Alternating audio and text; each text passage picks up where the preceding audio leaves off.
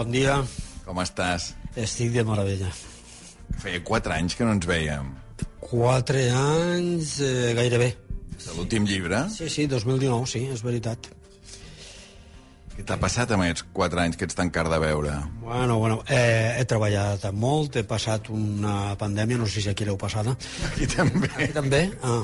Pensaves que no fos només del País Valencià? Eh, que- perquè sempre ens envien les pitjors plagues allà, eh, políticament i tot, i has vist que primer estic i és perquè no tenim finançament. I, eh, bueno, he, he passat una miqueta de tot. Entremig has fet 70 anys, també. He 70 anys, en tinc 71, el mes de maig en faré 72, ara ja van caient del meu voltant, de la qual cosa vas dir, eh, estàs en la llista, tio. Ho vas celebrar molt, els 70? Eh, bé, normal, no, no, és que no m'ha afectat fins ara, les dècades no m'han afectat fins ara. Eh, hi ha gent que als 40 anys eh, tenen com una xicoteta de depressió o això, o estan desanimats, i jo pensava, dic, però si als 40 era un adolescent, no? Vull dir, no... Però no, no m'ha afectat gens, i, i ho vaig celebrar normal, ho vaig celebrar normal. Jo me trobo millor que quan tenia 60 anys, t'ho dic sincerament.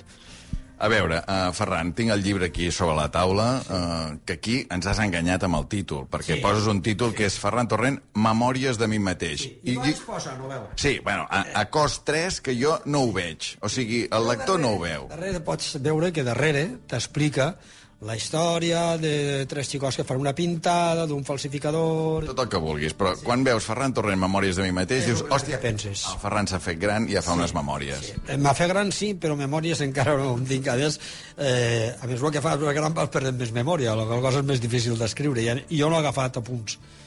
Jo no he agafat apunts. Però jo, si fera les memòries, el que faria és una síntesi de memòries, és a dir, agafar el que jo crec que és més interessant.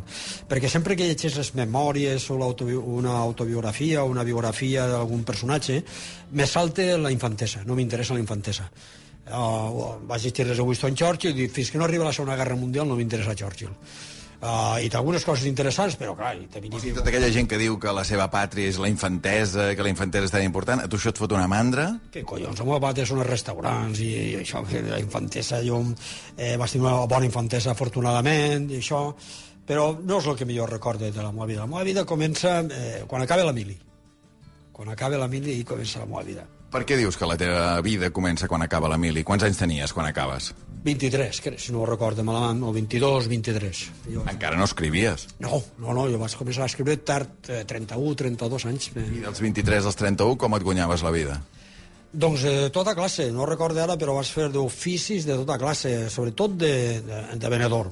A mi m'agrada vendre i comprar, vendre i comprar ha sigut sempre el que més m'ha agradat. I feia d'això. Eh, vaig treballar en una empresa que es deia Valero i Sotorres, del Cira. Eh, no, Què venies? Què venies? a sucre, arròs, de tot això ho traguen gràcies per Aborpina. I després venia un whisky de contraband en les cases de senyoretes que ara ja saps que no se pot dir. Però, i era la meva vida, per tant, està ahí. Vull dir, Havies d'anar a cases de senyoretes a vendre whisky? eh, venia un whisky de contraband que compràvem en el port, un tio del Cira, un tio, un tio del Cira que li deien Carraca, que li deien Carraca, eh, és el que em va ensenyar a mi a, a vendre, era boníssim perquè venia, saps aquelles tiretes de loteria? Eh, ell feia, si me compres tas pots de llet, arròs i tal, te dona tres tiretes i, i anem a vendre, anem a sortejar una Kelvinator, una nevera Kelvinator i ensenyava la foto de la Kelvinator, la Kelvinator no existia, i, ensenyava i no li tocava mai a ningú. I quan passàvem l'altra vegada que li dia, a qui li ha tocat? I dia, a un del Cira. Sí, estava l'altre en Castelló, lògicament. A qui li toca? A un de Castelló? Sí, estava en el Cira. Era molt divertit, Carraca. I va dir, bueno, xiquet, perquè tenia 10, segurament ja haurà faltat el pobre, tindria 10, 12 o 15 anys més que jo, eh, xiquet, anem a comprar whisky en el port, de contrabando. I, i, i entràvem al port i i ningú deia res, i dic, això no és contrabando, eh, si fora contraband, dir, les coses serien... De... I les veníem en les cases de senyoretes, veníem el, el whisky, i se treiem una pasta que ho feia ell, però me, me donava una propineta i això, i...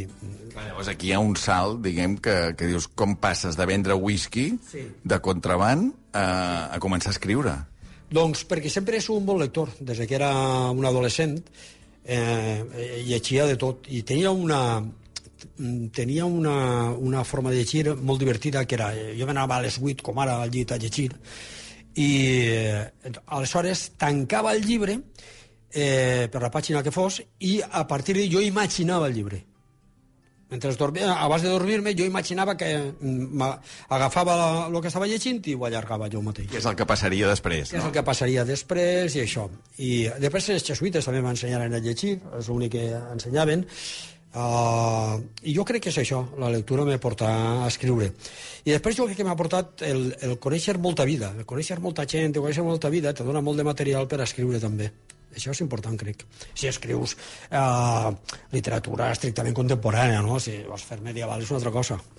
Hi ha molta gent, molts escriptors, que diuen que viure i escriure per ells és el mateix, que ho tenen tot barrejat. En el teu cas, Ferran Torrent, també és el mateix viure i escriure o podries prescindir perfectament d'escriure i dedicar-te només a viure? No, jo no puc prescindir d'escriure. Uh, no, jo crec que escriure forma part eh, fonamental de la meva vida. Eh, eh, jo quan escric tinc dos mons. El que estic escrivint, que me'l crec, i el, i el real, el meu i a vegades m'agrada molt més el, el, el, el meu, el que estic escrivint, que l'altre, no? A vegades la vida real et fa nosa quan estàs molt ficat a escrivint un llibre, no? Sí, perquè jo necessito diversió contínua. Diversió en el sentit de... No vol dir diversionar-te'n de gresca, sinó tindre una bona novel·la, tindre una, bona companyia per anar a, a dinar, a, per anar a passejar... Necessita mm, que, treure-li profit a cada dia. Mm. Però tu ets un solitari. Sí i no. És a dir, visc sol, però no sóc solitari. És a dir, eh, els caps de setmana sóc més solitari perquè tothom té parella i aleshores dic, hòstia, li trucaria aquest, però... Bueno, eh, però hi ha vegades és molt divertit perquè alguns amics ve el divendres, anem de dinar i quan ja acabem i tal, quina sort tens, hòstia, eh, he aguantat la família, tu, saps? Diu, bueno, tu no saps el que jo aguante sol, tio. és una cosa que m'ha passat alguna vegada i sempre dic, li trucaria, però no, no, que s'avorrisca, que cojones. Ferran, um, si obrim el llibre, aquest, aquesta novel·la que es diu Memòries de mi mateix, però que no són unes memòries, uh, l'escena inicial és boníssima. O sigui, l'escena inicial ens hem de situar l'any 1968, uh, per tant, en ple franquisme encara, s'acaba de morir l'alcalde franquista del poble, i què passa? doncs que fan una pintada a la façana del cementeri, tres treballadors, que són tres músics també, eh, són tres personatges molt valencians. És a dir, eh, són músics, que això és molt dels pobles valencians, i treballen en el moble, que també és molt en aquella època dels valencians. Aleshores, són tres eh, caràcters, eh, diguem-ne, antifranquistes, però diferents, i un d'ells diu, anava a fer una pintada, i fa una pintada que es diu Visca la República, i tenen una discussió perquè un diu que Visca porta X i l'altre diu que no, porta una S. No? I ahí tenen una discussió. Eh... Ah, però fixa't, Fixa't el, el valor d'aquesta pintada perquè la fan just a la nit abans que hi hagi el funeral, o sigui que hi hagi l'enterrament, de manera que, que l'endemà, quan tot el poble, perquè la Guàrdia Civil va eh, pràcticament casa per casa i bar per bar a fer fitxar la gent que han d'anar a enterrar l'alcalde franquista perquè tothom vegi allà al cementiri enterrant l'alcalde franquista una pintada visca la República. Sí, eh, lo que és una cosa absolutament eh, banal, eh, divertida, acaba sent una tragèdia, però una tragèdia no en aquest moment, sinó és un procés que la novel·la mm, explica o intenta explicar que eh, el que és el destí. Vale? El destí és... A mi em fascina com el destí pot canviar eh, per una tonteria en un minut, això. I després explica també una altra cosa que per a mi és fonamental, que és l'amistat, la solidaritat no? entre la gent. Això són dos, doncs, les motius que hi ha en la, en la novel·la. És una novel·la que té aquesta tragèdia, és una novel·la que té molt d'humor. Per què, per què es, es barallen? Si visca va a missa o amics? Perquè això era, quan nosaltres fèiem pintades, sempre, eh, com que no havíem estudiat en valencià, som de l'època que havíem estudiat en castellà, sempre teníem discussions si era B baixa o B alta. Eh, I sempre ja vaig dir, i a mi què collons m'importa? Si el que interessa és pintar. I, bueno, però no fer el ridícul. No, però si no se firma, com anem a fer el ridícul? I, bueno, però si tothom sap què fem nosaltres, hòstia. I era molt... Era, eh, hi havia aquestes discussions i també hi havia discussions pel contingut. És a dir, visca la república... No, una república pot ser de dretes. No, hem de posar no sé què. Eh, aleshores la pintada nostra era llibertat, amnistia i estatut d'autonomia. Sí, que sempre hi havia un graciós que em vaig posava i una tia cada dia. Sí, no, no, t'ho jure. Eh, era un que era contra això i se divertia en les pintades que fèiem, se divertia fent això. Hi havia una altra pintada que fèiem, que aquesta era de conya, que era de la carretera, que tu la coneixes quan has vingut al poble, de Casa Carmina al meu poble, que és la carretera el Fafar Saler, la carretera als Arrossars, hi ha una carretera, una curva, que és molt complicada. I eh, la gent que venia eh, bufada, que havia begut molt per la nit, se fotia unes hòsties en la caseta aquella, eh, i allí feia una pintada que posaven bon dia perquè sempre se la fotien a les 6 del matí quan venien de discoteques i això. I a fer una pintada aquí per saludar al puto borratxo que es va fer l'hòstia aquí. Uh, Ferran, a tu, al teu poble, Sadaví, a casa teva, t'han fet mai alguna pintada? Sí. Una vegada una pintada me feren catalán, hijo de puta, te vamos a matar. Eh, eh, aleshores, eh, anava jo a comprar el diari, eh, aleshores comprava diaris a les 7 del matí, a 7 i mitja, volvia al quiosc, i a obrir la porta i veig la pintada. I me'n vaig a, a la cuina a agafar un drap i, i, i, i llevar-la, un drap humit, i, això, i tenia el meu, el meu veí allí. I me diu, diu, hijo, puta, vale, però català. això ja és insultar-te massa. Era molt divertit, me va fer gràcia. I, bueno, vaig llevar com vas poder i després vaig repintar la porta i ja està. Però és l'única cosa que... Perquè què passa, que hi ha un sector del País Valencià que et veu massa català? Sí, però el que no sabia el que va fer la pintada és que jo conec a molta gent que trenca les cames, entens? Vull dir que conec jugadors de pòquer, conec... però jo crec que s'ha equivocat de casa. I, eh, però és l'única cosa que, que diguem-ne, que he patit. Vull dir, no, no, no tinc cap queixa en això. La novel·la, dèiem això, que començava això 1968, lluita antifranquista, aquesta pintada Visca la República, i va fent salts constantment, aquesta novel·la, entre el 68 i el 2019. El 2019, el segon capítol de la novel·la, anem a un altre escenari, que és una residència, una residència molt curiosa, on hi ha el millor de cada casa, diguem, on hi ha eh, diguem, el, tots els delinqüents diguem, que es passegen sí. per les teves novel·les, doncs eh, estan acabant les seves vides en una residència? Sí, sí. Eh, fan una residència al centre de València, al carrer Pelall. El vaig situar al carrer Pelall perquè uns metres més endavant està el trinquet de Pelall, que són el Genovès, el jugador del Genovès es va convertir en una llegenda i eh, de, de la pilota valenciana. I eh, m'agradava la idea de retirar-los, que no s'han retirat del tot, però de tindre una residència per a ells, no? Que són, hi ha eh, delinqüents, hi està el pare Rafael, que els ha protegit tota la vida, i està un advocat que s'ha passat la vida, sobretot en el franquisme, aguantant lleis eh, franquistes, i ara eh, tal com eh, en el primer capítol la fiscal, la filla, que va a veure-li parlant al periodista, li diu, jo no m'imaginava que mon pare acabaria amb allà, bueno, ton pare, ton pare és sempre un subversiu, el que passa és que no podia, no? Ah, però està al costat ara del Llargo, del Gordo, del Gitano, del Messier, de, del mític Regino, tots en aquesta residència que jo, també hi ha el teu alter ego, aquest periodista, el, el Marc Cendra, que, que, que passeja per allà, Tu t'hi veus amb, acabant en una residència així, Ferran? A mi no m'agradaria una residència perquè jo no som massa de col·lectius. Però una residència com aquesta no me la pediria en la vida. Per què? Home, perquè és una residència que s'ho passa en pipa, dir, encara ells estan pensant en com podrien fer alguna malifeta... Sí, estan actius. Estan actius. De fet, tenen un problema, com has pogut llegir, que és que tenen tants diners que no saben què fer en ells i se presenta una senyora que els arregla el problema, no diré com perquè és una demència, una demència total, perquè jo crec que podria ser real, això de la forma que els planteja com eh, invertir els diners en, que no siguin paradisos fiscals.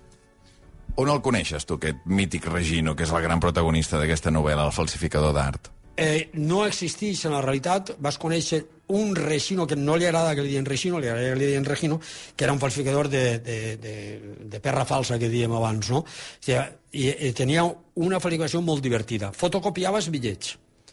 Fotocopiats, però anava als eh, pubs que hi havia molta gent, moltíssima gent, les barres plenes i això, i tu de, tres whisky, escolta, cobra tres whisky, el cambrer va boig, no mira, el dia, pum, pum, i donava 50 euros i encara li tornaven, no? Se feia tres whisky. Que era una fotocòpia. Que era una fotocòpia, més o menys ben feta, si, si la veus, evidentment, dius, és una fotocòpia, però en aquell, eh, aquella botxeria de les, de les barres de bar, impossible donar-te compte, no?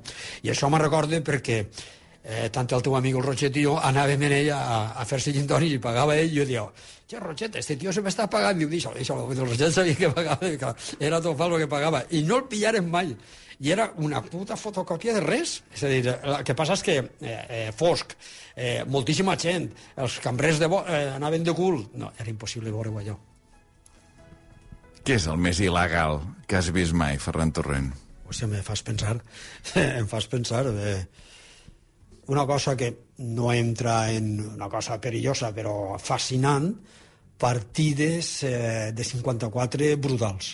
54 què és? 54 és un joc, no sé si aquí se juga, eh, que la màxima puntuació són 54, però que eh, té unes normes, i és que els diners que guanyes han d'estar damunt la taula.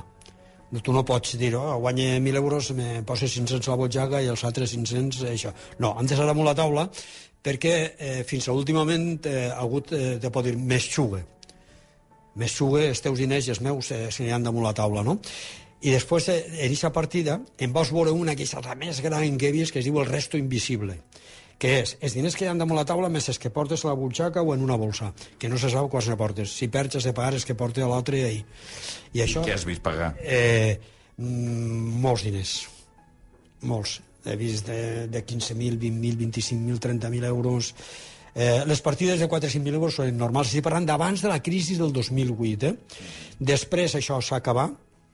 Eh, després s'ha tornat, però ha tornat a uns nivells molt reduïts Tu no jugues perquè t'agrada massa jugar? A mi me diverteix jugar, jo no, no mai pedria... A veure, aquestes coses tan tòpiques que diuen s'ha jugat a la cara, jo no ho he vist mai, això, ni conec, ho diuen molt, aquell va perdre un taronger... Això, jo crec que això és molta llegenda. Però només he fet una partida forta. Només he fet una partida forta. I com que jo coneixia els jugadors i, els coneixia, i ells a mi no els coneixíem, vas guanyar. I me diners en Montecarlo. Em vaig anar dos dies a gastar-m'ho tot a, a Montecarlo, al casino. París. A l'Hotel París. A l'Hotel París del casino. Però en, a, l'Hotel París per a mi era... Ho he tret en dues novel·les ja, però per a mi l'Hotel París, eh, quan nosaltres anàvem de viatge, que érem pobres, entràvem a, a l'Hotel París a fer-se un cafè. I estàvem allà eh, fent durar el cafè doncs, eh, una hora per a veure l'Hotel París, no? Eh, perquè em fascinava l'Hotel París perquè estava al costat de le, del casino. Mm. O sigui, tu arribaves allà, nosaltres no arribàvem, nosaltres arribàvem a peu, però que arribava un cotxe, i si hi ha un, un empleat de l'hotel, li agarrava el cotxe, d'aigua, entrava allà, i després anava al casino, era quan aleshores al casino s'havia entrat en corbata, que les corbates te les jugaven per entrar a, al, al casino.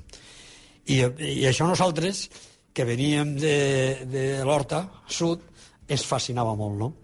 Eh, és a dir, eh, Montecarlo es fascinava per això, perquè eh, eh, i una vegada érem cinc, vam anar a, a Itàlia, vam parar en, eh, primer en, en Nissa, de Nissa anàrem a Montecarlo a jugar al casino, guanyarem 70.000 pesetes, de l'època, estic dient, 87, 88, aproximadament, i se gastàrem les 70.000 pesetes, que havia guanyat un tal Nelo, amb caviar i amb, amb bocates de caviar i xampany. Mira si érem pobres això no ho fa només un pobre. De, hi havia unes cafeteries i allà dir, volem sàndwich de caviar i xampany.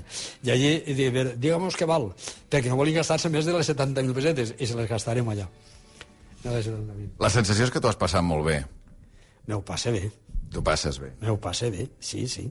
Però m'ho passa bé d'una manera simple, també, eh? Explica'm una cosa que no sigui tan bonica, Ferran. Una cosa que t'hagi passat i que diguis, hòstia, que aquest cop l'he notat. La mort d'amics la mort de Ramon Bernés, Valeria Miralles, Paco Vidal, eh, i que encara no me recorde que farà, eh, eh, passa una cosa molt curiosa. En Ramon Bernés jo tenia molta relació i havia dies que m'alçava pensant, vaig a tocar-li, vaig a telefonar-li i aniré a Figuerola. I, i eren dos segons que dius, hòstia, està mort. Eh, a més jo vaig viure la, la mort de Ramon Bernés, la, vaig viure tot el procés.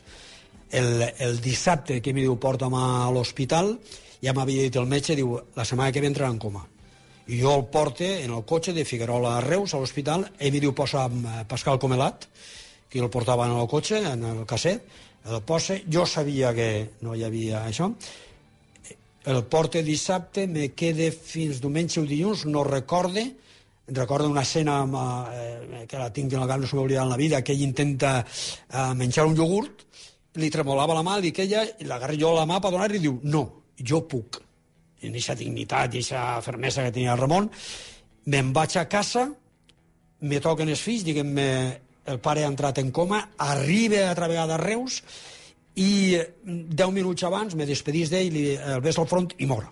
Deu minuts. I després I la meva filla has, has vist que traca el pare Rafael, que té un Alzheimer incipient. Jo no banalitze ni frivolice sobre les malalties, però en la meva família les dones han estat arrasades per, per Alzheimer. La meva àvia, ma mare i ara la meva germana. I sempre hem tingut Bueno, la meva àvia ja estava boja abans d'agarrar l'Alzheimer.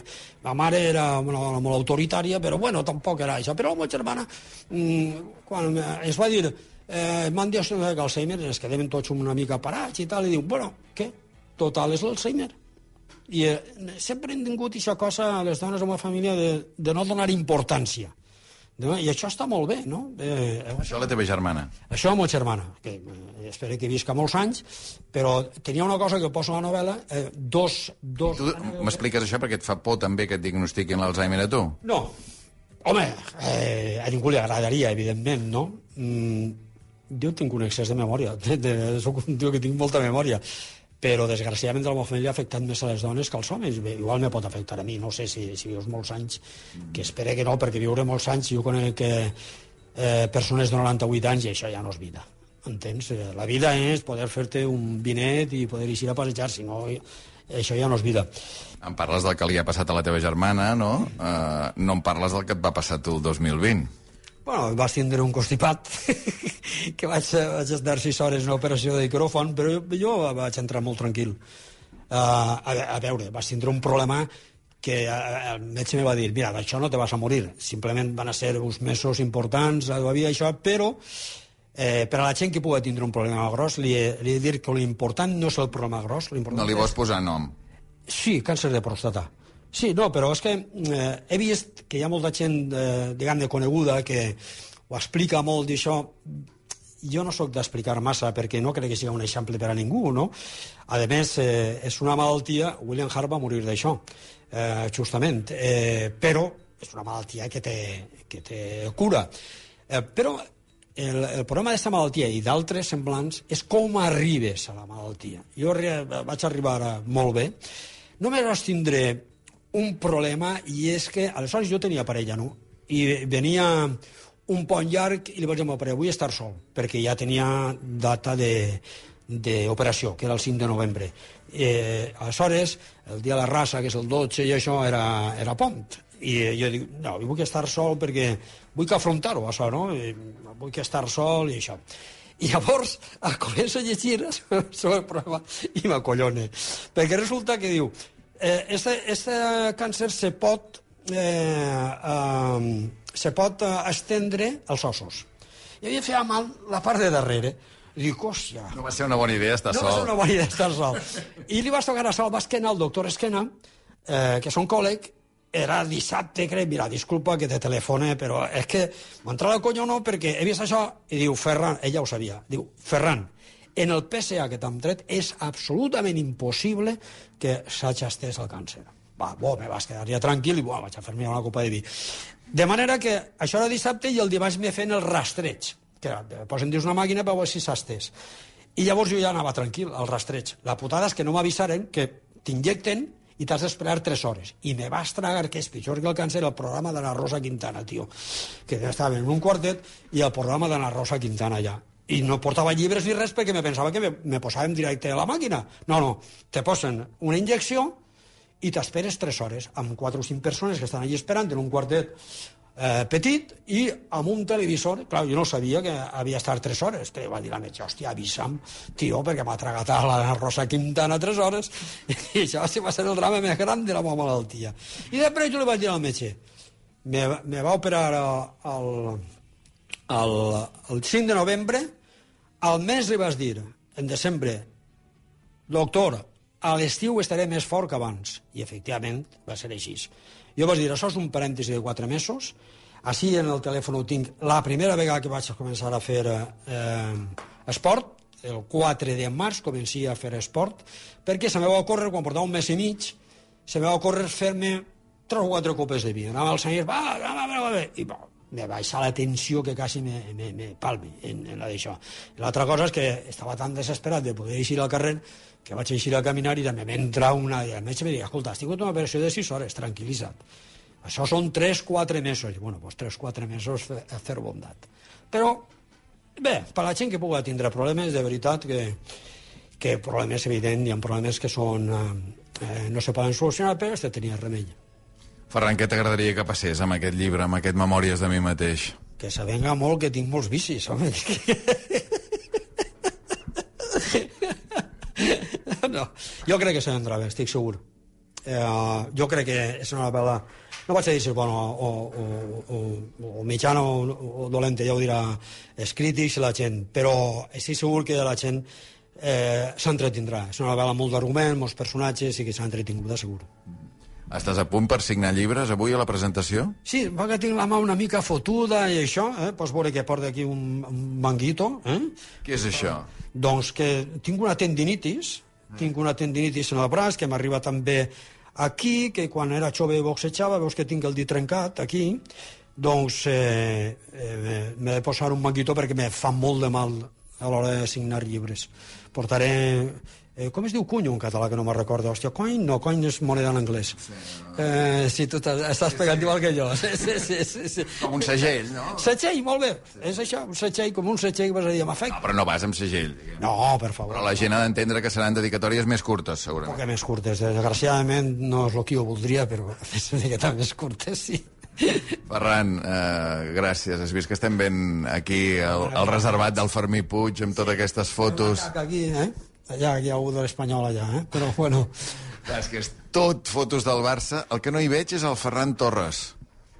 Oi, el Ferran Torres, eh, pobre, pobre, les vegades que van confós amb mi, li, ell marca, la, li posava Ferran Torres, i estava fins als collons, i també me confonien aquest Torrent que teniu aquí eh, d'Esquerra Republicana, que és un... Roger Torrent. Roger Torrent, sí, també me confonien molt en ell, eh, eh, aquest desgraciat de Ferran Torrent, dic, ja estem, hòstia. Ja, no només et dius Ferran Torrent i ell és Ferran Torres, el jugador del Barça, sinó que hi ha un personatge teu que és Ferran Torres. Ferran Torres és veritat, que és el meu alteró, és, és veritat. Però això, quan jo vaig escriure en el 1994... Eh, eh, no havia nascut. No havia nascut ell, i després resulta que el, el, sí, deu estar, bueno, ara ja no el confonen tant, però me recorden el marca, el, meu, el meu nebot Vicent Xilet, que és periodista esportiu, me, me, me ho enviava tot per guanyar. Era tan confós en el, en confós del Torres en tu, de, de, i estava fins als collons d'ell. D'ell no, del que confonia, evidentment. Bueno, amb el Llevant a segona deus disfrutar amb el Barça, ara. Sí, la pena és que l'any que ve no tindrem derbi, perquè el València baixarà i el, el Llevant pujarà. I no tindrem derbi, és una pena. Ferran, gràcies. A tu, ho he passat molt bé.